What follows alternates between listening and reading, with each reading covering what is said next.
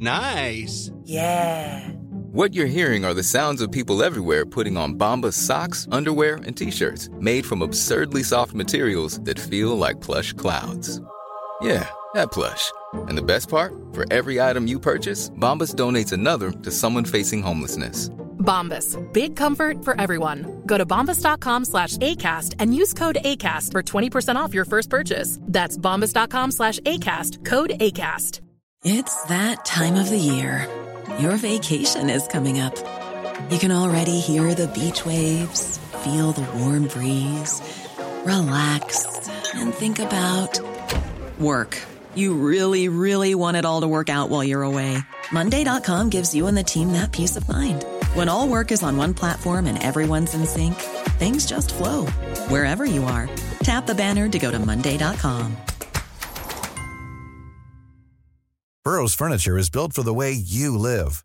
From ensuring easy assembly and disassembly to honoring highly requested new colors for their award-winning seating, they always have their customers in mind. Their modular seating is made out of durable materials to last and grow with you. And with Burrow, you always get fast, free shipping. Get up to 60% off during Burrow's Memorial Day sale at burrow.com slash ACAST. That's burrow.com slash ACAST. burrow.com slash ACAST. What's crack-a-lackin' my dude? Det här är Paparazzi, en podcast där vi går in på detaljer om kändisskvaller och populärkulturella nyheter. Ja, vi kommer att prata om allt vi vill veta och allt du inte ens visste att du ville veta om kändisar. Jag heter Max. Och jag heter Michelle. Cheers! Cheerio. Jag är ju...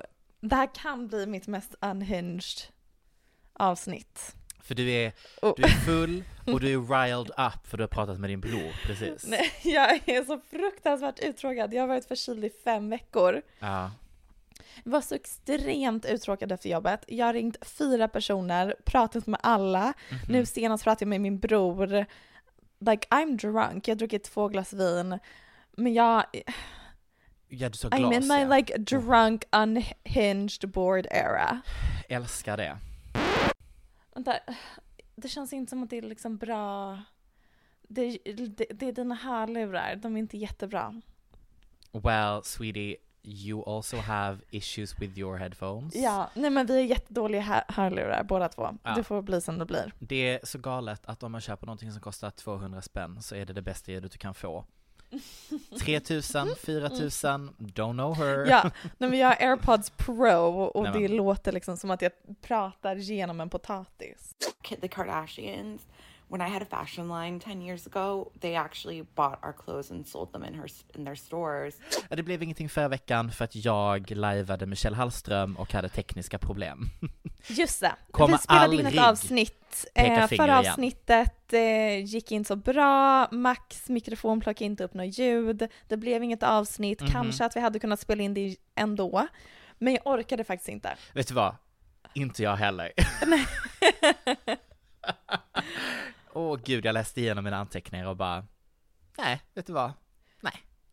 Det är lite synd, men jag kommer återanvända mina anteckningar för jag orkar inte skriva något nytt. Helt rätt gjort. Låt oss ta oss an veckans avsnitt.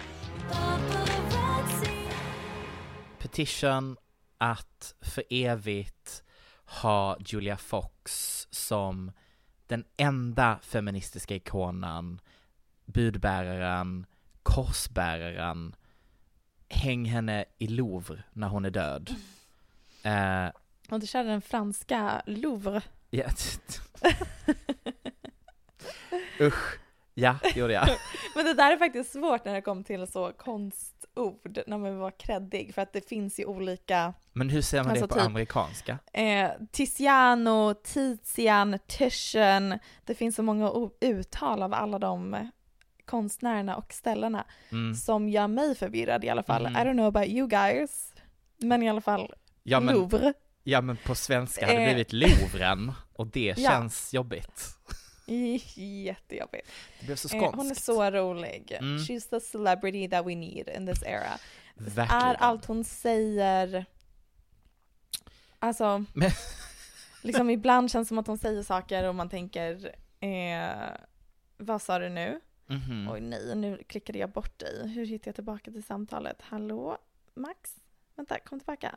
Hallå? Ja men du Där- hör mig fortfarande Där, hoppas jag. så. Så där. Ja. Mm. Sätter av mobilens ljud. Ehm, nej men hon är så... eh, hon är en ny generation av kändis som är liksom nu när vem som helst kan bli känd. Mm. Det här pratade jag med en kompis eh, om. Mhm. Det här är inte en kompis utan det här är en random 19-åring som jag börjat följa på Instagram. Hon är inte känd, hon är liksom Nej. inte ens micro-influencer. Jag hittade henne, God knows how, vi är nu bästa kompisar. Otroligt. Jag får alla mina hot takes från henne and she will never know för att hon pratar inte svenska. Åh, Ehm, wow. hon är liksom my connection to the culture. Mhm. Men vi pratade om att ehm, ja, men hela grejen med autenticitet och att vem som helst kan bli känd idag, till och med typ intellectuals, quote unquote. Mhm. Eh, och att hon typ personifierar det för att hon är ett barn av den här nya generationen som har studerat kändiskultur men lyckas ändå typ hålla vatt- huvudet över vattnet Mhm. i den här absurda karusellen. Mm. Did that make sense? Eller vad sa jag nyss? Um, ja, mm, ja, kanske bara en ifrågasättande och det är barn av vår tid på internet. She's like slightly older. Hon är lika gammal som vi är, eller typ ett eller två år äldre. Julia Fox? Ja, Nej. Omöjligt. hon är liksom a young millennial. She's giving hon 35, är- 40. Oh sweetie, she's not. She's 32. Ah. Så det är liksom Anyways. mittemellan eh, det du pås- påstod och det Mhm. jag sa. Mhm. Men, Nej, men hon är absolut liksom en ung millennial. Mm. Ja men det, det köper jag, det Nyss så var hon ju 29. Prata inte om det. Nej, Jag vill inte höra det. när, när hon blev känd så var hon ju typ 29. Nej, Jag vill inte höra det. det var väl typ i år. Men ni förstår vad jag menar. Det blir, det blir ett nej för mig. Uh, nej men jag älskade hennes senaste uttalanden. Hon ska ju släppa en bok. Kul. Mm, Redo att läsa jättebra. den så att säga. Eh, och då sa hon att anledningen till att hon började dejta Kanye var ju för att hjälpa Kim helt enkelt. Eh, för att få Kanye att inte terrorisera Kim, utan att helt enkelt vara off internet och knulla Julia istället.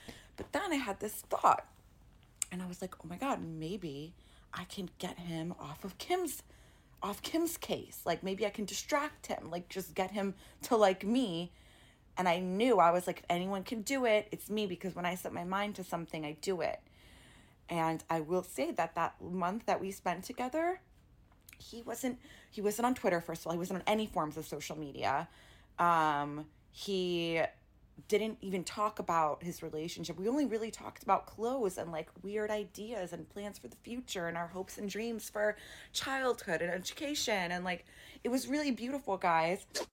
Ja, eller boken har inte kommit ut än, men i Nej. ett par TikToks inför boken säger hon att Ja. i boken kommer hon prata om det här, men hon berättade redan nu eh, att hon tänker att det här kan hjälpa honom distrahera sig Mhm. själv från Kim. Eh, och att hon, för hon fick kritik för att hon nu som extremt feministisk, antirasistisk person i media eh, dejtade en person som är väldigt problematisk. Och hon säger liksom att ja men när vi umgick så var han ganska normal. Mm.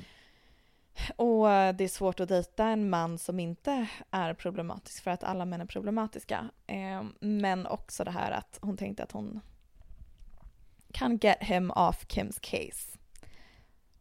And Och det, det enda jag ifrågasätter i det här är att vi alla vet att anledningen till varför hon dejtade honom var för att det är jättebra PR för Mm. henne. Ja. Och det tycker jag att hon ska äga. Mm. Hon dejtade honom, hon var strategisk. Hon ringde The Cut, en journalist på The Cut, New York Times Magazine och sa, eller berättade om deras dejter Mm. och deras liv ihop. De dejtade ju typ en månad. Mm. Men den Kändes månaden, han, han, han dejtade ju liksom Sinead Jones efter det. Hon sa inte ett knyst. Medan Julia Fox använde det här som ett tillfälle för att bli en snackis på internet och en känd person. Och idag så kan hon liksom tjäna pengar på att helt enkelt bara vara den hon är. Mm. Och det tycker jag att hon ska äga och inte downplaya och säga så här, nej men jag dejtade honom för att jag tänkte att jag, I could fix him. Mm. Men det kanske kommer i boken. Jag tänker det här var bara ett, eh, en del. Jag hoppas det. Ja, jag, jag hoppas det. Jag, jag tycker eh, att vi ska hylla eh, manipulativa, strategiska scheming women. 100 procent. Should men be allowed to have opinions?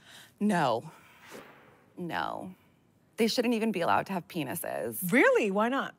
It's just unfair. What's unfair about it? Okay, if I were president, I would just give guns to every woman Got it. and not any guns to any men. Got it. Because I feel like if they can have a penis, which is a weapon of mass destruction, it can be. Wow. It can be. I think that women should be allowed to have the same. I think it equals the playing field. I think we wouldn't get f***ed with so much.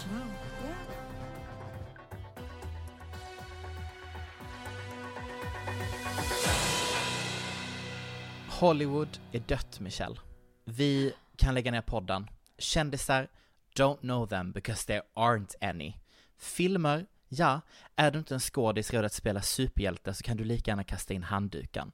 Kulturen är alltså död och imperialismens viktigaste kulturella pelare, romcoms och riktiga Hollywoodkändisar är numera ett minne blott. Så är det i alla fall om vi ska tro på Jennifer Aniston. Eh, det är verkligen ruinens brant vi står vid och Jennifer, hon är vår sista bastion. Säger hon verkligen att hon är den sista? Nej, det var jag som, ja, jo, det, Ja. jo, jo det säger hon. Att hon Ehm. typ sista generationen? nu har någonting hänt med din mikrofon, med allting, jag hör absolut Åh ingenting. nej, jag tog ut en örlur för att jag ville inte känna som att jag var en iglo. Men okej, jag sätter in andra igen. Så, men, back in the iglo men I får jag go. lov att bara Me, kom, me. men ett Kom tips är, kan eh, Pingu. I cannot understate this enough. that you're in an igloo. I'm literally in an iglo right now. Ehm, då ska vi se. Jag fortsätter försöka ta mig igenom det här. Allure Magazine. Allure. Allure. Allure, tack. Allure. Um, ska köra en coverpiece eh, och journalisten smsar alltså då sin kompis vad kompisen tycker att hon ska säga till Aniston när hon träffar henne. Och får då svaret No one's ever going to be famous the way she is. That kind of mass fame phenomenon burning so bright for so long. It's just not achievable today. Mm. She's Jag har like a jättemånga problem med det här. Ja, det har jag också. She's like a silent film star among a generation of TikTok dipshits. Aniston i sin tur svarar då, såklart, vad ska man säga om någon läser upp det här framför dig? Um, I'm a little choked up. I feel like it's dying. There are no more movie stars. There's no more glamour. Even the Oscar parties used to be so fun. Firstly, jag googlade journalisten eh, och jag vill inte vara någon ageist person här nu eller så, men har man uttrycket TikTok dipshits i sitt vokabulär så är man antingen en person som hatar samtiden eller så är man ålder 45 plus. Vänta, vem var det Mhm. som sa TikTok dipshits? Var det journalisten eller Jennifer? Ah, nej, ah, kompisen. Ja. Gotcha. Ja, eh, och mycket Hatar riktigt, kompisen. journalisten är, sorry, pushing 50, så jag förstår att i hennes värld så är ingen så känd som Jennifer och kommer aldrig bli, för du växte bokstavligen talat upp typ så här något år efter Jennifer. Och det är liksom som att jag skulle sätta mig och säga att ingen kommer någonsin bli större än Miley Cyrus. Ja, nej men så It's känner man i like- varje generation. Ja, exakt. Secondly, jag är den första att erkänna att galor, de var roligare för att följa. However, jag är inte så säker på att Jennifers upplevda avsaknad av glamour eller roliga fester att gå på efter Oscars har så mycket att göra med att Hollywood är döende och inte producerar A-list celebs längre, utan snarare att det bara blivit så urvattnat rent pengamässigt, eller liksom vad Oscars är, än vad det var under tidigt 90-00-tal. Och dessutom, hatar att erkänna det, men sociala medier och tillgång till en smartphone i varenda hörn, ja, jag vågar påstå att det påverkar känslan även bland kändisar när det kommer till att släppa loss. Jag menar, ingenting var så hemskt som när Facebook kom. Och man blev taggad i album som var typ så här Greatest night out yesterday, bla bla bla bla bla. För att alltså, Min, eh, det tog ett tag för mig att inse att man kunde ändra inställningen på Facebook att man typ inte kunde bli taggad. Go, nej men att man kan godkänna innan man blir taggad i Ja. något. Och det här året, jag gick svenska skolan i Kenya Mhm. och det är skräll. I might have been a messy bitch. Mhm. Eh, och som vi alla vet så de enda man har på ens Facebook är ju ens släktingar. Ja. Och jag minns så tydligt när jag taggades i en bild där jag hånglar med en kille där jag har på mig eh, eh, gummihandskar som jag snott ifrån städskrubben. Mm. Så här tvättgula tvätthandskar. Fint. De satte jag på mig, hittade jag i städskrubben, satte på mig, gick fram till en kille och hånglade med honom. Bild togs. Mm. Även samma kväll ljög jag såklart om min identitet. Jag sa att jag hette Anna och kom från Ryssland. Why? I don't know. Men den här bilden togs. Eh, jag taggar sidan. Mhm. Den spreds online. Det, det är någonting som jag får liksom stå för to this day. Tas det Mhm. här upp i tid och otid. Jag bara önskar att jag visste att funktionen fanns, att man kunde välja att Att godkänna först. Ja, ja det, det är min största dröm. Att men vi alltså, kunde turn back time. Ah, nej men alltså det var ju verkligen eh, någonting som var en grej. Och jag tänker att den där känslan av att, jag, absolut att jag har, tar tre vodka shots, men om jag tar åtta vodka shots och börjar hångla eh, med var och varannan människa på Oscarsfesten, where will that end up? Jag tror att festerna, Jennifer, 90-tal, nyligen känd från Friends, another vibe. Another vibe. Men det jag provoceras av i den här frågan Mhm. är just att Jennifer Aniston, absolut A-kändis för att Friends är liksom den största serien som vi har sett de Mhm. senaste, vad är det nu, 30 åren. Mm. Men hon gjorde ju liksom inte the pivot till att bli en stor movie star. Sen dejtade hon Brad Pitt så att hon ändå blev lite av en A-list Mm. movie star. Men så att hon är absolut mest A-list av de andra i casten från Friends. Mm. Men hon är ju inte ansiktet utåt för den generationens A-listers. Nej. Det är det enda jag provoceras av här. Mm, Sjukt valid. Eh, jag har också svårt att känna, alltså så här, det är klart att man upplever ett vakuum av citat riktiga kändisar, men det är ju för att allting går i cykler som inte överlappar varandra. Alltså det går ju liksom ofta kanske så här 10-15 år emellan en cykel av så kallat riktiga kändisar. Ja, nytt ord att addera, cykler, det kommer jag nu ta med mig. Så det här. Ett av de tio orden vi kan. Nej, men jag tänker bara så här, det är inte som att världen ansåg att Jennifer var världens bästa skådis två, tre säsonger in av serien Friends. Absolut att hon blev känd, eh, för att på den tiden var ju inte urvalet av kändisar som vi matades med lika brett som idag. Jag tror inte att Friends som serie hade flugit så mycket Nej, men idag. statistik säger ju att den serien som har kollats på mest på Netflix, nu, I will be quote... Mm. Nej, jag är så full. Ja, I will be quoting this wrong. yes. Men det var typ den serien som sågs mest, även av generation Z, för att det finns liksom någon slags trygghet i hur den serien är upplagd. Mm. Ja, d- d- verkligen. Det är därför alla har försökt återskapa just det formatet i tid och otid. I Nej men de lyckas inte. Nej. Det, det går inte att återskapa det. Happy grund av Endings det väst- nära, men lyckades inte riktigt. Jag vet inte ens vad det är. Nej, exakt, så bra var den. Eh, men så här, jag tror, alltså det jag bara vill komma till är, she's not Meryl Streep. I'm so no, she's not confused. Meryl Streep. Men hon har Um, ju rätt. Alltså kändisskapet som fenomen har ju förändrats extremt mycket. Ja, Eh, absolut. och det här är liksom det jag sagt typ tusen gånger i olika sammanhang. Men det är ju Mhm. det att det har fragmenterats. Mm. Det har gått från en monoculture to microculture. Mhm. Kändisar som är household names förr i tiden, de kan inte bli det längre på grund av streamingtjänster och sociala medier.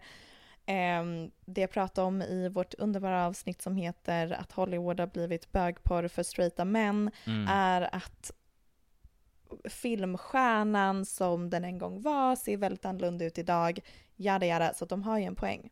Mm. Ändå, men jag blir provocerad av kändisar som till exempel eh, Jennifer Aniston eller typ Lady Gaga som säger i någon intervju att social media is the toilet of um, the mhm, industry, jag minns inte vad, exakt vad man säger, the entertainment industry kanske.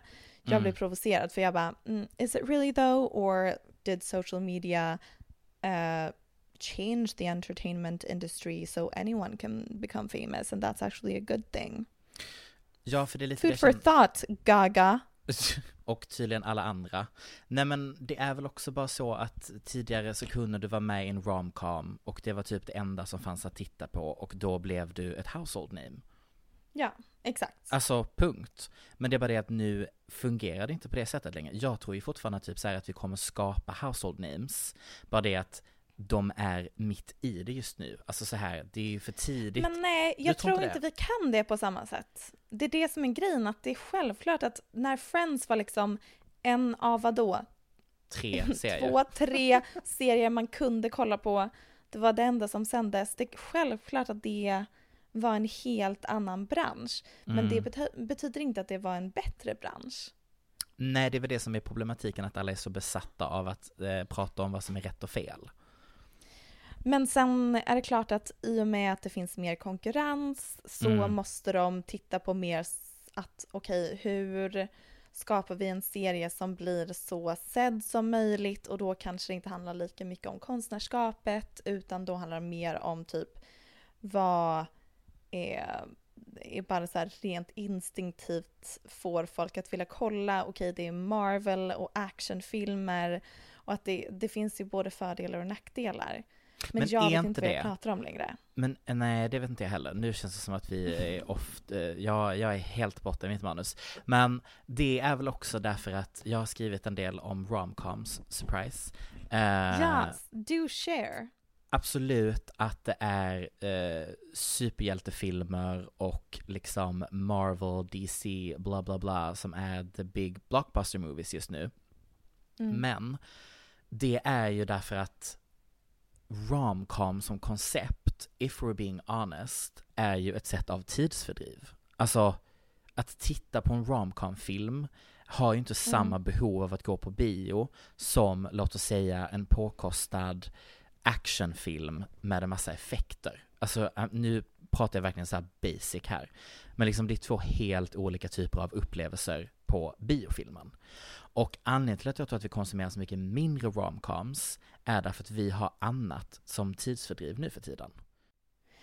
Ja, men precis. Det är den undersökningen som de har gjort för att se vad är det som gör att folk går man ur huset för att gå till bion. Och det de har sett är att romcoms är inte det, medan actionfilmer är det.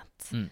Eh, och det finns många komponenter som liksom bidrar i det beslutet. Mm. Är det en mening? Bidrar i det beslutet. Mm. Anyways. Tillför. Till exempel romcoms är ju mer riktade till kvinnor. Mhm. Ehm, det känns som att och då följer inte män med när kvinnor vill gå på bio medan om män vill gå på bio så följer deras tjejer med till exempel är en teori som många har haft. Mm. Eh, men jag tror ändå att nu på sistone så har det ju ändå funnits en viss revival i romcoms. Mhm. Jag tänker på den som George Clooney och Julia Roberts har varit med i. Eh, nu, nu tänker jag jättemycket på det de pratade om i En varg söker sin podd senaste avsnitt då de pratar även om Lindsay Lohans senaste romcom. Man ser ändå tydligt att det har inte funnits något slags fokus på big budget romcoms på sistone. Men nu har de börjat med det igen. Mm. Eh, och Liv Strömquist nämnde även en studie om att man delade in en forskargrupp i två delar då den ena halvan fick gå i parterapi, den andra halvan fick kolla på romcoms och slutsatsen var typ att de som hade kollat på romcoms ihop med sin partner att de gjorde typ större, de kom, det, gick bättre Framsteg. för dem Ja. som par. Ja, större framsteg, framsteg var ordet jag letade efter. Mm.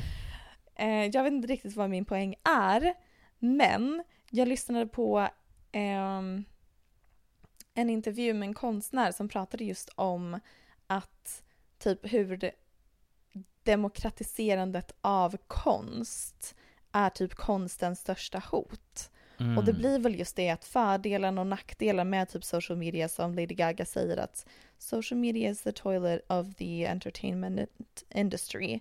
Mhm. Ja, det finns fördelar med det, men också nackdelar just för att det blir just att man kollar på konst eller typ underhållning som till exempel en film och bara okej, men vad är det folket vill ha? Vad är det som gör att de går på bio? Jo, det är typ Avatar eller Black Panther. Det är liksom storslagna Marvel-filmer. Men i slutändan så blir det liksom bara tom underhållning. Mm. Kan du dra en slutsats utifrån det jag säger nu, tack? Att jag tror att vi inte behöver prata om the death of the romcoms bara för att konsumtionen har flyttat från biosalong till streaming. Jag tycker att det där känns som en sån extremt konstig Men grej. det har ändå skett en death. Alltså det har ju Jo, jo, eh, procent, absolut. Att rent inte... procentmässigt eh, hur många romcoms som Ja. gör idag jämfört med för 10-20 år Men sedan behövde du så har det ju skett en drastisk Men skillnad. behövdes alla dem? Nej, för att man gör inte big budget romcoms för att man ser att folk inte går på bio för att kolla på det. Ja. Men du så kan ju det har liksom flyttats till streamingtjänster och Ja. streamingtjänster är det lågbudget och då blir det sämre romcoms. Därav har vi fått dåliga romcoms i väldigt många år nu. Men jag vet inte om jag skulle typ såhär die on a hill för romcoms tidigt 00-tal som att det var mästerverk. Det hade jag. Okej, det hade du. Men Min Golgata. Mm, okej. RIP. Jag har något med Machine Berlin ingrävt här också, but I'm just gonna... Jag ville de- lägga till. Add it, bitch. Ja, men också så här, jag tror det jag kan också känna är att vi måste omvärdera eh, vad en kändis är. Alltså, ingenting för mig är mer Hollywood-kändis just nu än Emma Chamberlain.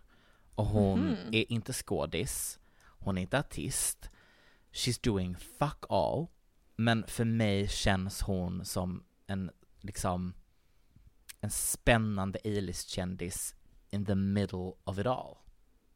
Mm. Och Hennes jag, karriär är så intressant att studera, eller studera, vilket stort ord jag använde. Nej, jag tar alltså- tillbaka det. Ni förstår vad jag menar. Mm, säg, jag har skrivit- säg färdigt din mening. jag har skrivit att jag vill ha metervis av forskning på detta, så att jag tycker att din studera känns Känns ändå okej att säga. eh, nej men jag är så eh, pepp på att läsa teorier om typ så här 5-10 år om hur, how she did it. Men jag kom över en väldigt eh, eh, kort take på det på inget annat än TikTok. Eh, om eh, någonting som kallas för the rubber band theory. Jag har kollat på den här och det är därför jag inte, oh, nej. Det finns två anledningar till varför jag inte instagrammat för mycket på sistone. Mhm. Nummer ett för att jag kom över the rubber band theory. Mhm. Nummer två för att jag varit förkyld och jag tror typ att min frontallob eller typ den delen av hjärnan som har konsekvenstänk, Ja, den har utvecklats färdigt typ för mig den här månaden. okej. Så jag har inte lagt ut någonting. Men det har också varit triggat av the rubber band theory. Mm. Take it away. Hur skulle du sammanfatta the rubber band theory? Nej men det är att folk tröttnar på en lite om man är konstant närvarande. Så typ artister som vill marknadsföra sig själva inför ett albumsläpp. De ser till att de typ drar ifrån lite som a rubber band, en, en vad heter det, snodd, tottes, eh, tofs. Mm. Olika dialektala skillnader i vad man kallar en tofs för. Oklart varför just det är det ord som har mest dialektal skillnad. But anyways. Totte är verkligen Så- typ bara Helsingborg. Sk- Skåne. Ja. Är det typ Helsingborg till och med? Mm. Mm. Nej, men man drar tillbaka det som en totte och, eh, och för att folk liksom ändå ska känna att man saknar dess närvaro och sen så Mhm. bara pjong, släpper man totten när man släpper ett album och så är man supernärvarande. Miley Cyrus är ett väldigt bra exempel Ja. på det här. Hon, när var sist vi hörde talas om henne? Jo, nu när hon ska göra sin Christmas special med Mhm. Dolly Parton. Otroligt. Men det var länge sedan vi hörde någonting från hennes håll, medan när hon släpper ett album är hon ju constantly relevant. Mhm. Exakt, och det är det som Emma Chamberlain lite gör nu när hon gör sin rebranding, som jag ju då tycker har varit exceptionellt bra gjort. Och det är att hon gör liksom små uttalanden som är typ så här jag har inte koll på internettrender, eller jag har tagit bort TikTok för att jag har inte tid, eller jag har inte ork att engagera mig. Eh, jag är lite off-grid, alltså raka motsatsen till eh, det som gjorde att hon helt enkelt blev känd. Eh, och Mm. det skapar en Hon är en slags... eh, youtuber vill jag säga, Just för det, att även om att du uppmålar henne Vloggare. som så här, den ultimata A-kändisen Mm. så tror jag fortfarande att hon är inte allmänt känd. Hon Nej, var mm. verkligen en youtuber som Mm. du för ett tag sedan så här, gav kritik för att vara the relatable white girl. Japp. Typ. Hon rapar i en YouTube-video. Yes.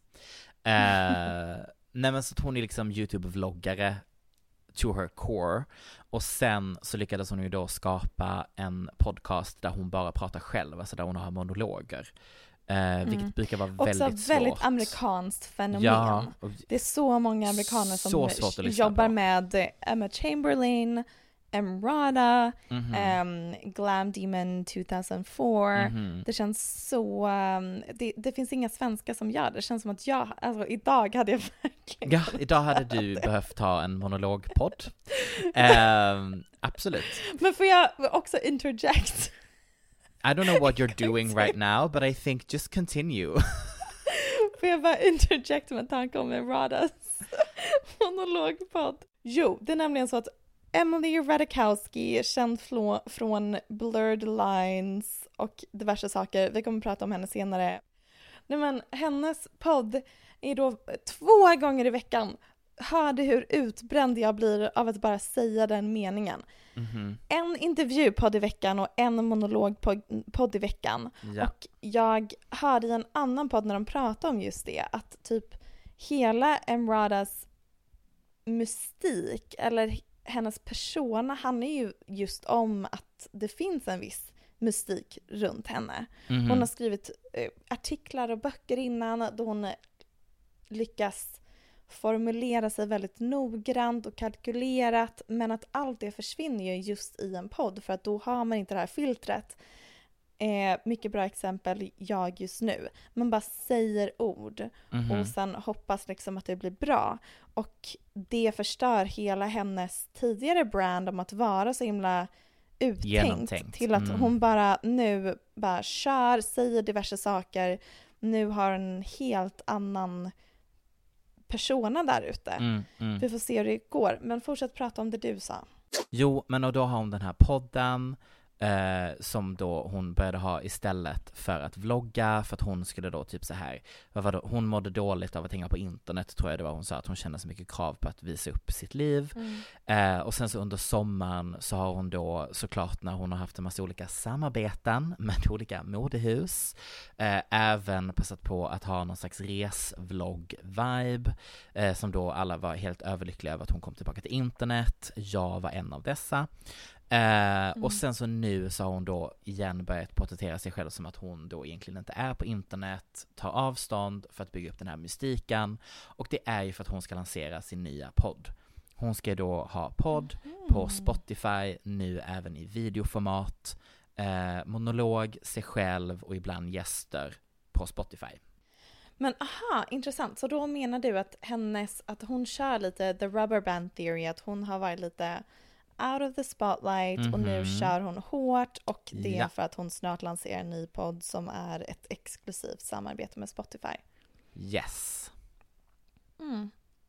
Men igen, jag vill fortfarande ha att någon gör forskning på hur hon lyckades gå från att vara en vloggare till att kännas A-list. Men det är ju för att hon är så här i grund och botten, eller hon är ju ansiktet utåt för det här som det känns som att vi har pratat om flera gånger, liksom authenticity online, vilket är svårt Mm. att skapa just för att autenticitet har ju blivit eh, kommersialiserat. Det är ju det företag söker, det är det eh, man måste åstadkomma för att bli stor online men sen så finns ju just problemet när man liksom separerar sitt autentiska jag från sitt offentliga jag så tror jag att man blir väldigt mycket mer sårbar som en offentlig person. Mm. Alltså det är som att vi kräver det av kändisar men det sätter dem också i en omöjlig position. Mm. Jag tror att man måste ha liksom defense mechanisms för att separera sig själv från sitt offentliga jag. Mm, mm. Och ehm, Emma Chamberlain har ju mått väldigt dåligt i att vara känd. Mm. För att hon är så extremt autentisk och det är därför man har tyckt om henne.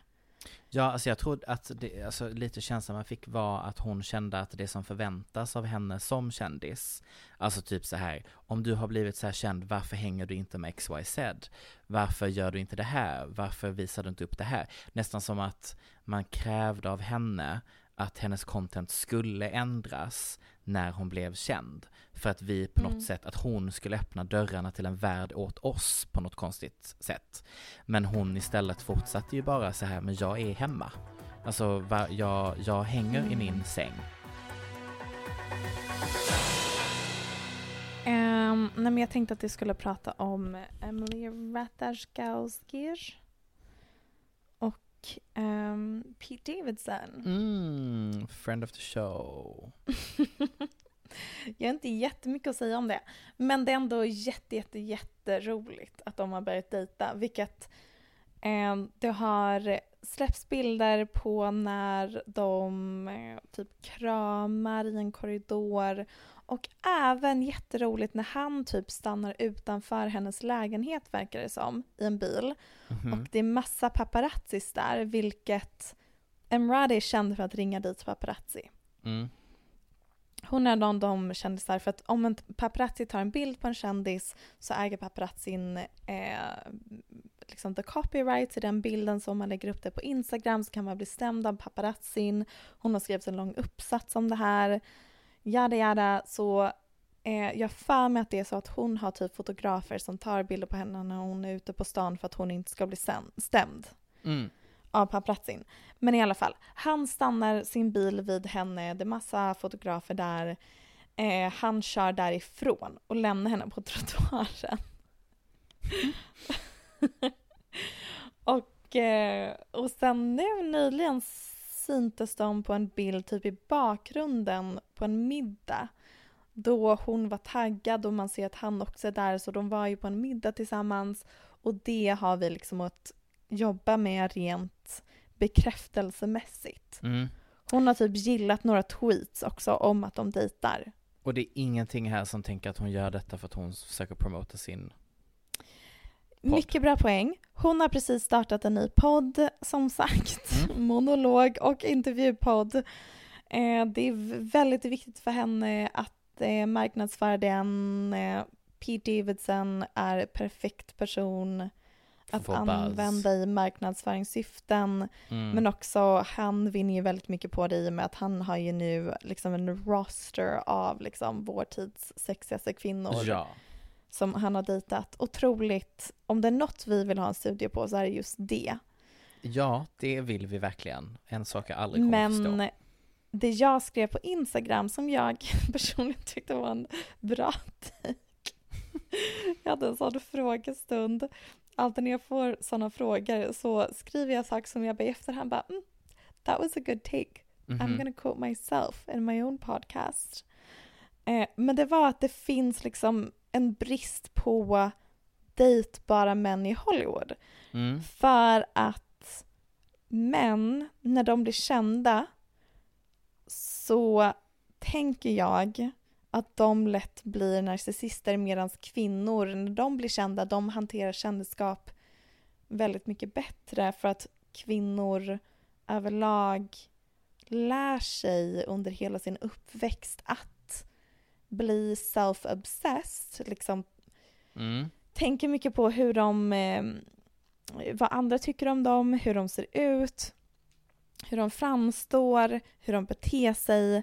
Vi verkligen matas av att vi måste bli self-obsessed, men vi får absolut aldrig bli narcissister. Och det ser man ju typ med Kardashians att de är ju narcissister och extremt self-obsessed men största ryktet om dem är typ att de är jätte, jättetrevliga mot alla de jobbar med. Mm.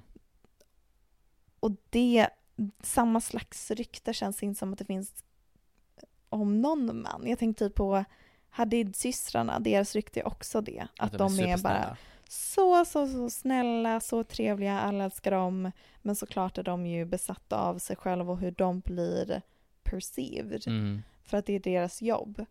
Därför tänker jag att det finns en brist på sådana män i Hollywood. Medan du menar då att, män att han är- har det? Nej men han är en av få som inte är så narcissistiska. Mm. Han har lyckats ha kvar det här typ, jag bor i min mammas källare på Long Island, eller vad det är han bor. Staten Island bor Ja. han. Long Island? Han har säkert flyttat därifrån nu, men han bodde på Staten Island väldigt länge Mm. I sin mammas källare. Det har liksom varit hans USP, typ. Att han är typ a normal guy. Men det är han ju inte. Nej, du hade också aldrig dejtat någon annan som bodde i sin mammas källare. Jag personligen. För att Ingen tjej hade ja. någonsin valt att bara så här. Men jag är eventuellt ett undantag i Ja, frågan. sant. Men alltså så här. Still doesn't explain anything. Vadå? Relatable guy är typ 27 och bor i sin mammas källare. That's just creepy. Ja, men det är liksom obviously är han ju inte en normal guy som Nej, bor i sin det- mammas källare. Det ska gudarna veta.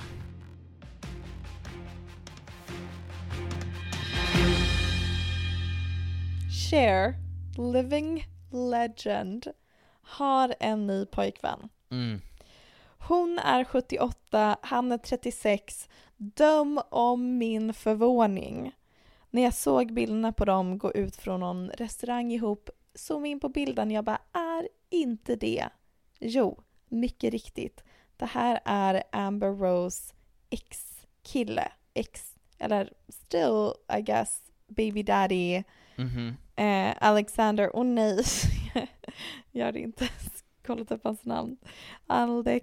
Alexander, Alexander Edwards. Det är ju då de som fick barn ihop, eh, som heter Slash. Mhm. Amber Rose är eh, bland annat känd för att ha dejtat Kanye West i flera år. Eh, han skrev 808s and Heartbreaks om henne, hans bästa album eh, To this day, enligt mig. Nummer två, eh, My Beautiful Dark Twisted Fantasy. Men, och sen så har ju hon blivit känd som någon slags feminist, eh, slutwalk, Mm. då de har en parad eh, om att de är slampor. Ja. Klär sig lite avklätt så att säga. Inte borde bli slut-shamed för att de är slampor. Mm. Eh, kan inte hålla med mer. Nej. Jag älskar henne från botten av mitt hjärta. Men, och jag har ju följt dem för att det, hennes, hon har ju ett barn med eh, eh, Wiz Khalifa. Mm, just det. Är det. Gud, honom Eh, glömmer man. Som, jag såg honom på Way Out West för flera år sedan. Oj. Saknar. Eh, black and yellow, black and yellow, Mm, black and yellow, black and era. yellow. Eh, och och de, deras son heter Al- You know Alexander. what it is. Black and yellow, black and... Det, det, det är ett av mina favoritkändisbarn. Mm, förståeligt. Han älskar Taylor Swift. Mm, han är bög. Ja, det har jag inte sagt någonting om, men Nej. jag säger inget så har jag inget sagt. Nej, äh, härligt. Men han är väl typ åtta. Men Har du jag gjort dina honom. naglar? Jag har alltid gjort mina De naglar. Max. jättefina Om det är idag. något du ska veta om mig så är det att jag alltid gjort mina naglar. Jag hatar den här eh, färgen. De är I typ silvriga. Cute as Do fuck. you really? I hate Anyways, them. do I continue. hate them.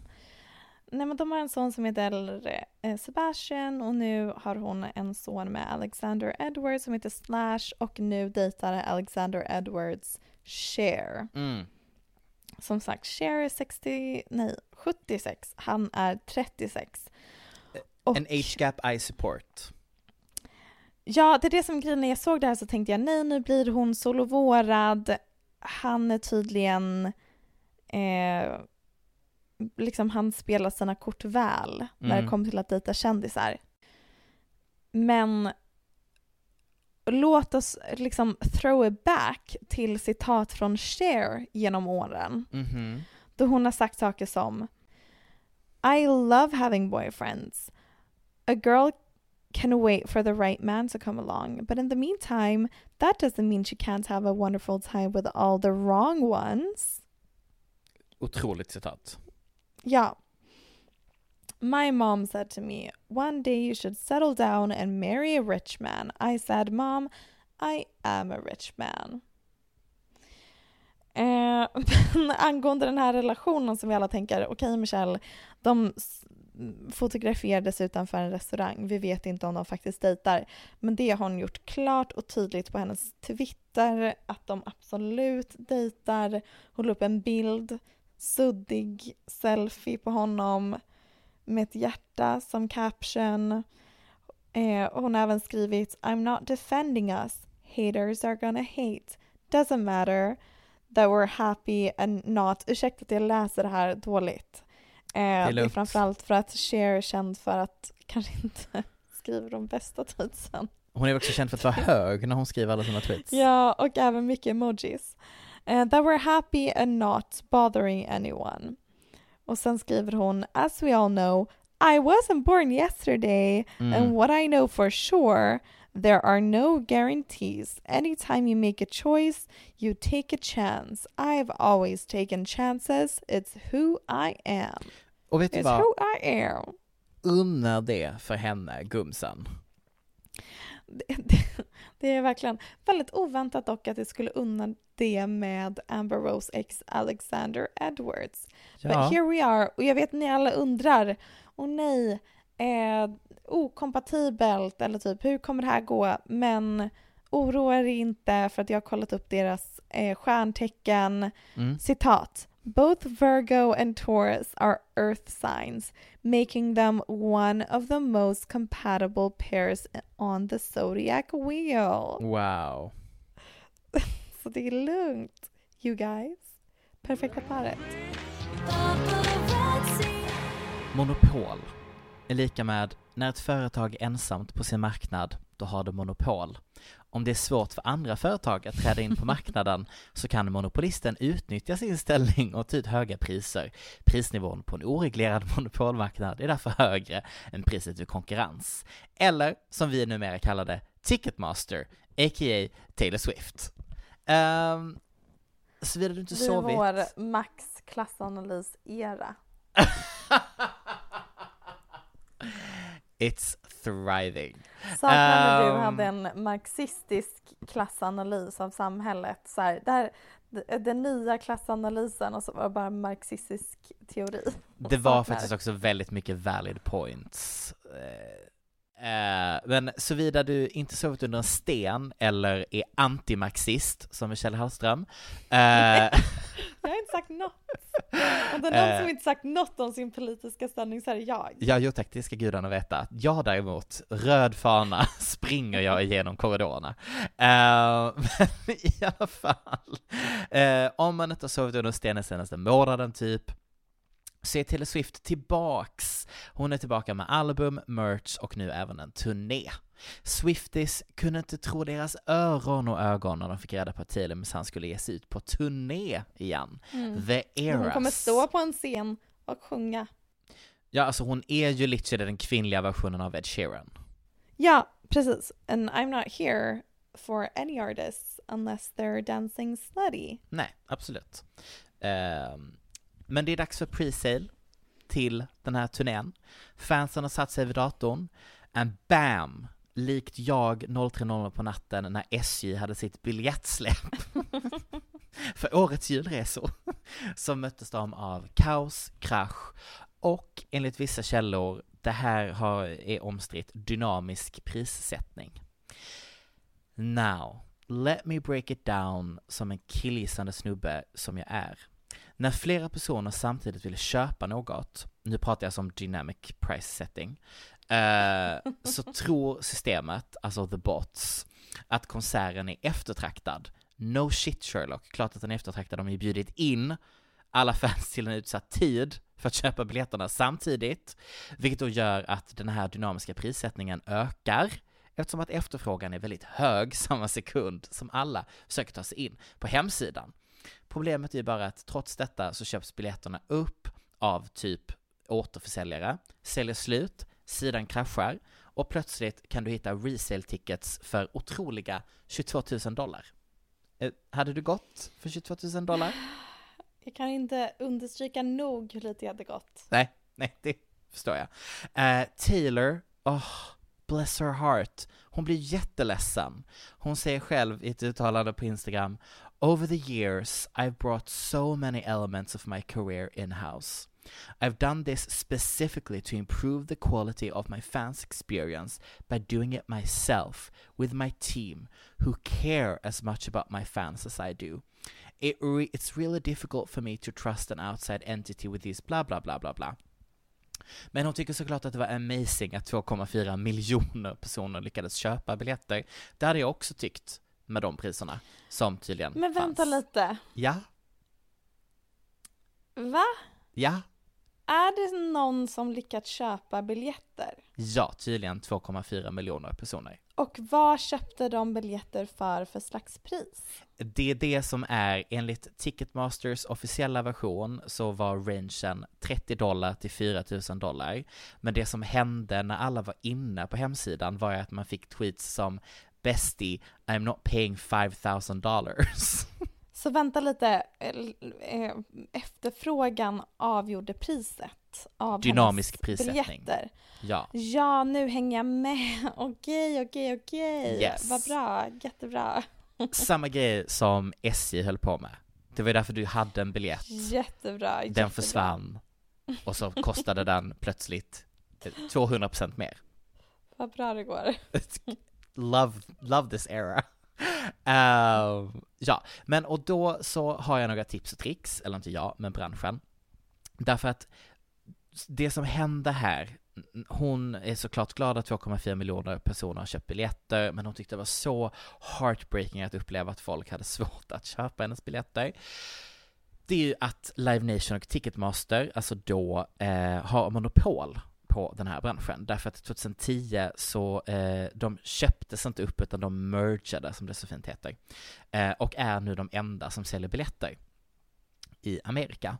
Eh, dessutom så är det så att Ticketmaster har ju även en tjänst som då så tillhandahåller andrahandsmarknaden. Så dels är det de som är den största spelaren på förstahandsmarknaden, men de är också den största spelaren på andrahandsmarknaden. Och där är det intressanta att på förstahandsmarknaden så får de en liten katt av biljettpriset och på andrahandsmarknaden så får de en större katt på biljetten som också, surprise surprise, är mycket dyrare på andrahandsmarknaden. Det kan man ha åsikter om. Det kanske hörs på min ton vad jag har för åsikt om detta. eh, samtidigt så är det ju inte heller så enkelt för Taylor eller stora artister att gå emot Live Nation eller Ticketmaster. Till exempel i den här ursäkten som hon då la ut så nämner hon inte dem vid namn, utan hon säger entity istället. Eh, för det är de enda spelarna på marknaden. Om du är ovän med Live Nation, vem ska då boka dig? Vilken arena? Som en promoter sa, som ha, har en del av de olika eh, turnédatumen, eh, eh, han hade inget val. Ticketmasters exclusive deals with all of the venues on the Eras Tour required us to ticket through their system. Så att även om det fanns en liten återförsäljare som någon ville använda så kan man inte det för att Ticketmaster har redan avtal med arenorna i Amerika. Men som någon sa, man kan göra resale-marknaden oanvändbar. Eh, vet du hur enkelt det är, Michelle? Jag har ingen aning. Eh, Jag vet inte om du kommer ihåg, men en gång i tiden var man tvungen att skriva sitt namn för att köpa en biljett. Saknar. Saknar. Eh, då kan du inte sälja vidare biljetten andrahands. Mm. Okej. Och detta är ju någonting som man innan ett biljettsläpp kan välja att göra, vilket är upp till artisten. Valde Taylor att göra detta? Nej, såklart inte. Nej, för det påverkar hela businessen, a.k.a. vinsten. Jag säger inte att det är hennes fel, men det känns också väldigt, väldigt, väldigt tacksamt att peka på monopolsituationen och hela den utredningen som har pågått sedan 2019 istället för att acceptera att även artister som Taylor, även om hon älskar sina Swifties, i slutändan, she just wanna earn as much money as possible, precis som Ticketmaster och Live Nation.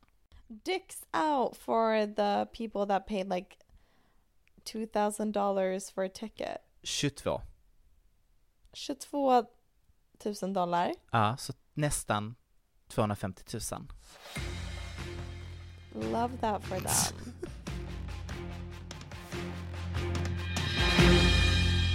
Såg du att uh, Iggy Azalea har sålt sina masters?